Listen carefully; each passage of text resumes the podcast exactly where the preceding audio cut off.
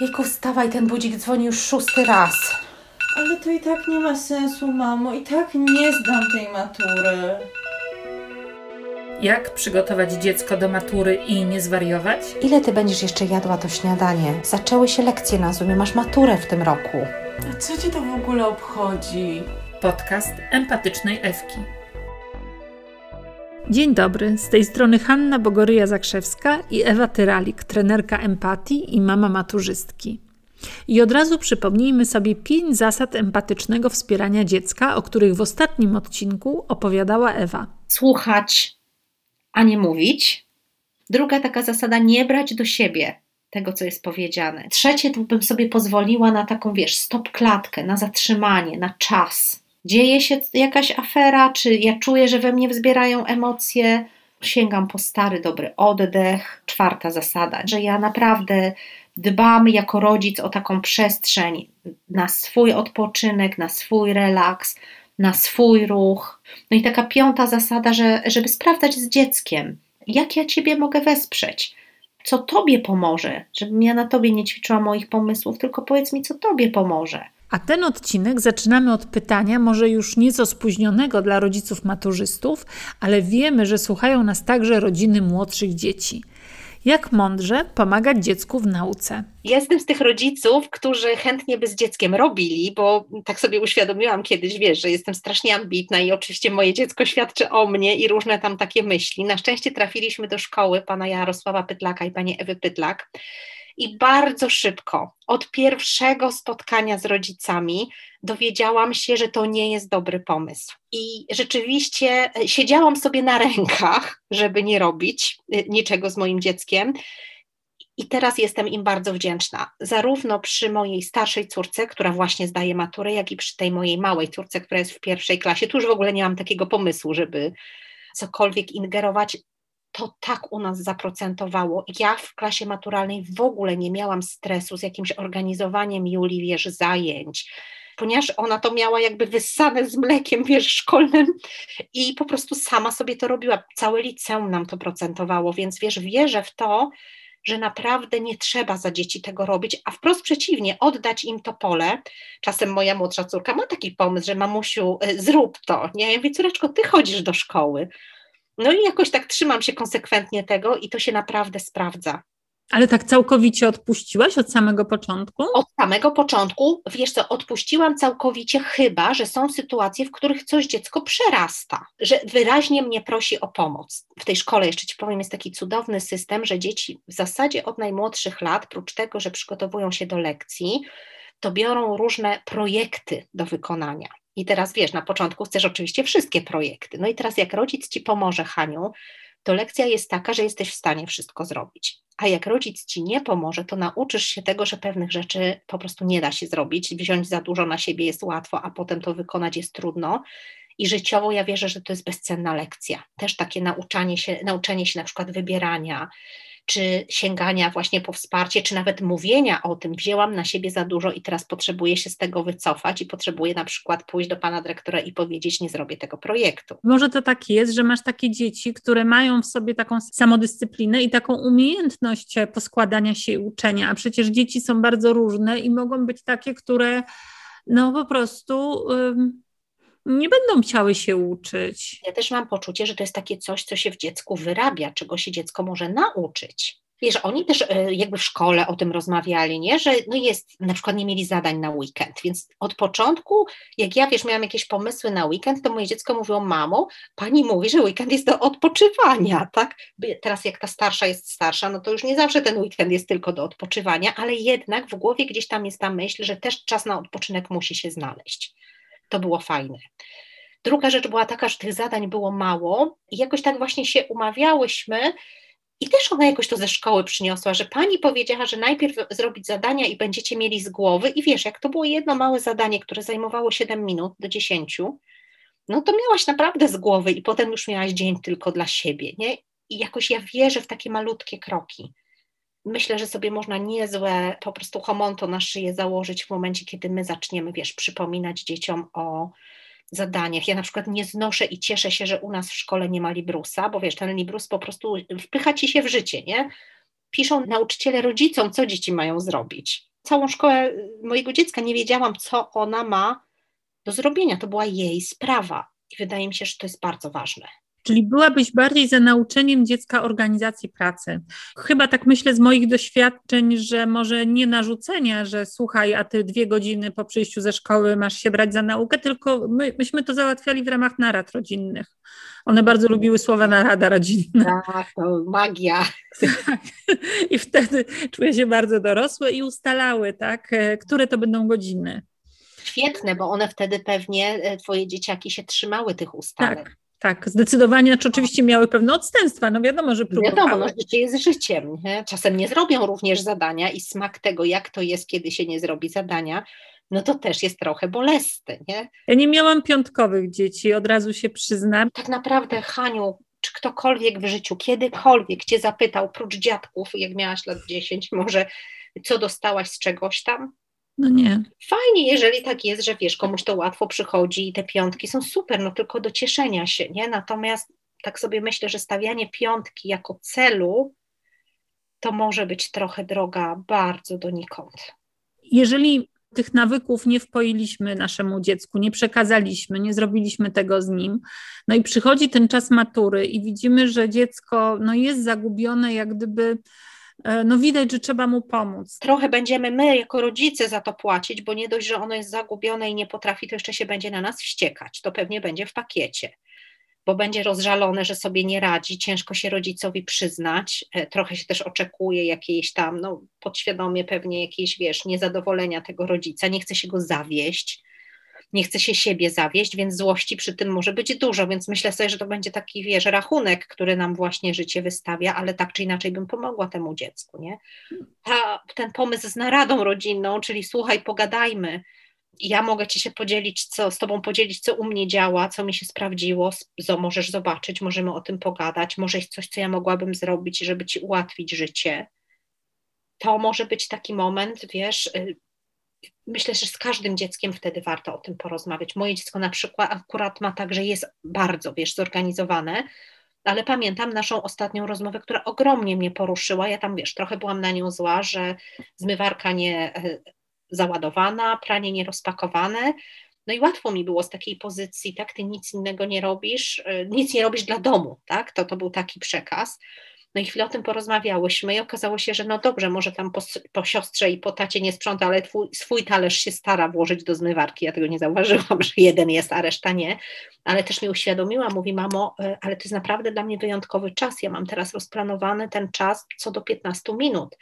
Ja bym naprawdę potrzebowała jakiegoś wsparcia. Ja mogę ci pomóc na przykład w weekend czy kiedyś, ale nie chciałabym, żebyś miała takie oczekiwanie. I wiesz, ja ją zobaczyłam z zupełnie innego miejsca kiedy porozmawiałyśmy właśnie o tym, że to jest naprawdę ostatnich kilka tygodni, myślę sobie, okej, okay, nie muszę być taka ortodoksyjna na temat tej zmywarki.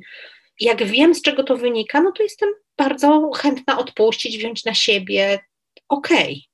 Okay. Więc myślę, że ta rozmowa, to pogadanie o tym, gdzie ci trudno, w czym ja cię mogę wesprzeć, czego od ciebie nie wymagać, a co wymagać, czy chcesz, żebym cię dźgała i pytała, czy wprost przeciwnie, no to to może naprawdę się sprawdzić. A jeżeli jesteśmy właśnie tacy empatyczni i patrzymy na sytuację z perspektywy dziecka, to o czym powiedziałaś, coś ustalamy, a później widzimy, że no nie pomaga nam w domu, ale też wcale się nie uczy, bo spędza czas przed komputerem, grając i tłumacząc nam, że musi kiedyś przecież odpocząć. Wiesz co, no znowu wyszłabym z tym, nie? I powiedziała, słuchaj, no mieliśmy taką umowę, że ja ci idę na rękę, nie zwalniam cię tam z różnych wspólnych rzeczy, bo masz dużo nauki. Trzy razy w ostatnim tygodniu Cię widziałam, że siedziałaś tam między, nie wiem, 18 a 20 przed komputerem i nie uczyłaś się, tylko grałaś. Rozumiem, że odpoczywasz, ale renegocjujmy to, bo e, to mi nie pasuje, po prostu. Pogadajmy o tym. No i zobaczymy, być może dziecko nam pokaże, że rzeczywiście pozostałe 16 godzin się uczyło, i być może e, te dwie godziny to jest dla niego relaks. Ja pewnie bym jednak wyskoczyła z tym, że no, przy siedzeniu 16 godzin to wolałabym, żebyś ty odpoczywała w jakiś inny sposób, nie przy grze. Może gra godzina, a coś innego, co ty na to? No, szukałabym tu jakichś moich podpowiedzi, natomiast też mam trochę taką zgodę na to, że to jest już dorosły człowiek. A powiedz, jak twoja córka daje właśnie radę w pandemii z tą nauką? Jak to wygląda? Bo mam wrażenie, że tym maturzystom jest o wiele trudniej. Wiesz, ja mam wielkie dla nich, e, no taki smutek. Mówię, że oni dają radę, nie? To zwykle te dzieci naprawdę nie chcą siebie i nas zawieść, natomiast jak ja sobie uświadamiam, że one właśnie siedzą ze względu na lekcje, ze względu na to, że niespecjalnie się odbywają jakieś zajęcia gdzieś, gdzie oni wychodzili, mieli przerwy, jechali, przechodzili gdzieś razem. Dramatyczna to jest sytuacja, wiesz, ja mam poczucie, że oni są po kilkanaście godzin przed ekranem i że się muszą zmuszać, żeby gdzieś wyjść, przejść się, coś zrobić takiego, wiesz, co jest bardziej ruchowego i że no, jakaś cena za to będzie przez nich do zapłacenia, nie? A utrzymać motywację, utrzymać uwagę, wiesz, bez tego takiego odzwierciedlenia, bez tego rozładowania napięcia jakimś żartem. Też sobie wyobrażam, że czasem to jest tak, że wiesz, tu leci jakaś lekcja, ale jesteś sama w domu. Mnie na przykład kusi, jak słucham jakiegoś wykładu, żeby sobie tam, wiesz, onecik obejrzeć, nie? Albo spojrzeć na Messengera, że jednak to się jakoś tam, ta uwaga też rozprasza. Naprawdę oni mają ciężko i mnie się wydaje, że warto im to mówić, że ich za to podziwiamy, wiesz, że naprawdę robią kawał roboty, taki, którego wydaje mi się, że no, ja nie pamiętam czasów, kiedy młodzież potrzebowała tego rodzaju kawał roboty wykonać. No właśnie, rozmawiasz z córką na ten temat też, o tej pandemii, o tym spadku motywacji? Tak, rozmawiamy o tym ze starszą, z młodszą, jest u nas miejsce na to, żeby się zezłościć, wiesz, kopnąć krzesło, powiedzieć naprawdę już mam dosyć i nie dam rady. Jest takie miejsce, żeby to jakoś odparować i też naprawdę jakoś wszyscy się staramy skupiać właśnie na tym, że ojej, udało się, dajemy rady, podkreślać to, że no jakoś ogarnęliśmy ten temat i, i trochę sobie odpuszczać to, co nie ogarnęliśmy, bo wiesz, mnie naprawdę boli serce, jak ja czasami słucham o tych dzieciakach, które po prostu naprawdę, no ciężko mają i jeszcze słyszą, to nie tak, tu za mało, jak coś tam, tego nie zrobisz. Myślę sobie, matko, no, no, no nie. No i czego ty nie rozumiesz? No to takie proste. Tato! Podcast empatycznej Ewki. No a co zrobić, jeśli y, dziecko wpada w taki ciąg i to pewnie będzie się powtarzało, im bliżej będzie matury? Mamo, ja nie zdam. Nie Hmm. zdam. Słyszę, że się bardzo niepokoisz, jak to będzie. No niepokoję się i nie wiem w ogóle, co mam z tym zrobić. No, to jest taki moment, wiesz, że nie mamy szklanej kuli, żeby ci powiedzieć, że na pewno zdasz. Ja w ciebie wierzę. Wierzę, że dużo zrobiłaś i też naprawdę rozumiem, że się tak niepokoisz, bo to jest taki moment, że się po prostu pojawiają te lęki. No a co się stanie, jeśli nie zdam? A powiedz mi tak, od 1 do 10, to e, zakładasz, że na ile to jest realne? Pięć? Na 5. Okej, tak to widzisz. No i wiesz, no to weźmy ten najgorszy scenariusz, nie na 5. Stało się, nie poszło ci tak, jak chciałaś. I co? Czego Mm, się najbardziej boisz? No, że będziecie na mnie źli, Hmm, babcia i dziadek. Że będziemy się wstydzić, że jakoś będziemy rozczarowani. No bo tak będzie, na pewno. Hmm. I że wszyscy wokół zdali. Ty będziesz rozczarowana, tak? I że możesz mieć jakieś poczucie wstydu, że może inni zdali, a ty nie. Tak, wiesz, Hania, tak nie wiem, co ci powiedzieć, bo ja rozumiem te uczucia i jednocześnie też mam taką myśl, że ty zdasz, ale nie chcę cię pocieszać. Mm, I tak sobie myślę, że wiesz, że z różnych trudnych rzeczy wychodziliśmy, jak one się zadziały. I taką mam nadzieję, że jakby się zadziała jakaś trudna rzecz, to też sobie z nią poradzimy. No ale je- jeżeli rzeczywiście nie zdam, no to, to jak to, co zostanę na następny rok w szkole? Przecież to jest wstyd w ogóle. Mm, Tego wstydu się jakoś tak najbardziej boisz. A co by ci pomogło teraz, wiesz, jakoś, bo trochę nie wymyślimy, jak będzie, nie? Mogą być różne pytania, mogą być proste, bo jest pandemia, a mogą być akurat takie, które ci nie trafią. Różnie może być, ale też wiesz, widzę, ile w to energii wkładasz, widzę, ile pracy włożyłaś. Tak się zastanawiam, skąd ten pomysł, że nie zdasz? Że co ten lęk ci chce powiedzieć? Żeby No się nie wiem. roboty bardziej, czy bardziej, że nic się nie stanie, jak nie zdasz? Ja mam wrażenie, że im bliżej matury, tym e, te, te wszystkie wiadomości mi uciekają z głowy. Mm, tak jest, wiesz, to jest normalne. Coraz większy stres, to rzeczywiście tak jest, że te wiadomości mogą uciekać z głowy. To tak trochę się dzieje. Na szczęście potem sami się zaskakujemy, że one w tej głowie są, ale te myśli rzeczywiście mogą się pojawiać. Wiesz, ja to też pamiętam. Tak sobie myślę, wiesz, może by zrobić jakąś małą przerwę. Nie wiem, jak byś się z tym miała, że coś fajnego, żeby odwrócić myśli, wiesz, bo czasami jak sami zostajemy z tymi myślami, to one się kłębią, nawarstwiają, jeszcze bardziej kłębią. Ktoś się też z tobą, z tobą podzieli tym, że się tak samo boi, się jeszcze bardziej nakręcamy. Co by ci sprawiło przyjemność, Hania? No, żebyśmy gdzieś wyjechały na chwilę, żebym zapomniała o tej maturze. Dobra, to wiesz co, mam taki pomysł. Sprawdzę, czy jest otwarte Sante, chociaż trochę się boję, że w lockdownie może być zamknięte, ale pomyślimy, gdzie byśmy mogli chociaż na pół dnia się po prostu urwać i udawać, że nie ma tej matury.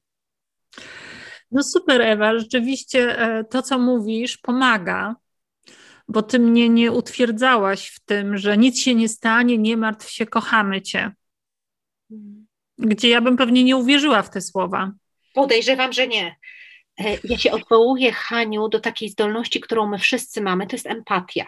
Tak? Empatia nierozumiana jako współczucie, czyli takie ojejku, ty biedaczku, no jakoś to będzie, musisz sobie jakoś poradzić nie jest to też taka empatia rozumiana jako, wiesz, wchodzenie w uczucia czyjeś, w takie współodczuwanie, czyli o matko, po prostu ty się stresujesz, a jak ja się stresuję, nie? to nie jest z tego miejsca, tylko to jest taka empatia w rozumieniu Marszala Rosenberga, która jest naprawdę towarzyszeniem tej drugiej osobie. I jakimś tak, taką umiejętnością, wiesz, poznawczą, że ja mogę sobie wyobrazić, co się w tobie może dziać, i mogę ci to pomóc ponazywać, i ty się albo na to zgodzisz, albo nie. I ja tego w ogóle nie muszę oceniać, ja po prostu z tobą jestem. Powstrzymuję się przed oceną. Tak, powstrzymuję się też przed pocieszaniem, przed pocieszaniem, że nic to może wkurzyć po prostu, bo no wiesz, nasze dzieci już i tak są dosyć e, takie, bym powiedziała, wrażliwe w tym czasie i wiesz, my tu z sercem na dłoni chcemy je pocieszyć, na pewno wszystko będzie dobrze i możemy klask dostać. Tak, bo ty masz takie oczekiwania, że ja zawsze sobie muszę poradzić i po prostu nie wiemy z czym zostać, albo pocieszasz dziecko, a dziecko temu nie wierzy, mówi i tak ci nie ufam, i tak mi nie pójdzie, nie? I zostajemy z takim poczuciem żalu i bezradności, jak do tego człowieka trafić. Więc jakoś ja, wiesz, próbuję nie pocieszać i, i, też jestem czujna na te takie sygnały, właśnie te takie, wiesz, małe tam facki, które się zdarzają, że, że to nie tą drogą idę. Natomiast potrafię sobie naprawdę wyobrazić, że jest lęk. Ja też bym się bała, że jest poczucie wstydu i że to jest normalne, ale też nie bawiłaś się w psychologa, który docieka pytaniami, przesłuchuje mnie pytaniami, co tam jest u spodu. Ja tego nie czułam, nie. że ty chcesz natychmiast dociec i rozwiązać ze mną dany problem. Bo myślę, że to by było, wiesz, nie mamy półtora roku na psychoterapię, więc nie dałoby to rady. Nie, to jest po prostu bycie z tym, co jest tu i teraz. A jak ważne jest, żeby ten przekaz obojga rodziców był spójny? na ile to jest ważne i co zrobić, jeśli on nie jest, bo rodzice mają też bardzo różne charaktery i byli tak. różnie wychowywani. Tak. Wiesz, ja myślę, że no fajnie by było, jakbyśmy mieli wspólny front, ale jak zaczynamy go budować na miesiąc przed maturą, to trochę już przepadło. I myślę, że nasze dziecko już się też nauczyło, że mama ma inaczej, a tata ma inaczej. I że od tego mogę dostać to, a od tamtego mogę dostać to. Mm, chyba bym na miesiąc przed maturą już, wiesz, nie wprowadzała jakichś takich, no mogę, wiesz, ja tam mam czasem pogadanki z moim mężem, który właśnie jest bardziej taki, wiesz, akademicki, wymagający, on od siebie bardzo dużo wymaga, więc bardzo go poprosiłam, żeby zanim cokolwiek powie, zapytał siebie, czy to jest życzliwe, jak to może być odebrane. No i on sobie to wziął do serca i widzę, że tak właśnie tak myśli i dopiero zadaje jakieś pytanie. No i to jest chyba jedyne, co możemy tak naprawdę zrobić. Nie siebie zapytać i ewentualnie poprosić bliskich o to, żeby się zastanowili, czy oni by chcieli usłyszeć takie pytanie. O. A co teraz twoja córka przed maturą powtarza najczęściej? Wiesz, ona teraz się boi, że ta matura może być przesunięta, ma taką dużą dozę niepewności, myślę, że to dużo dzieci teraz ma. Czy jak już się, wiesz, nagromadzę tę energię na ten no. czas, czy to nie będzie przesunięte? I jak ty wtedy reagujesz? Co mówisz? no znowu próbuję być z tym, co jest, nie? I nazywać, że no jest tobie smutno, że masz niepokój, dużo lęku, no po prostu jestem z tym, co jest. I wiesz, uczucia to jest fajne, Haniu, bo uczucia mają coś takiego, że w najgorszym przypadku, jak one się pojawiają, to najgorzej, ile to może trwać, to jest 20 minut. Jak to? No tak, wiesz, emocja jako taka, jeśli nie, nagrze, nie nakręcimy jej myślami, bo oczywiście my jesteśmy w stanie sobie to przedłużyć na całe życie, nie? Mając jakąś emocję i potem ją karmiąc myślą i myślą i myślą i, i, i potem cały czas się martwimy o kogoś na przykład.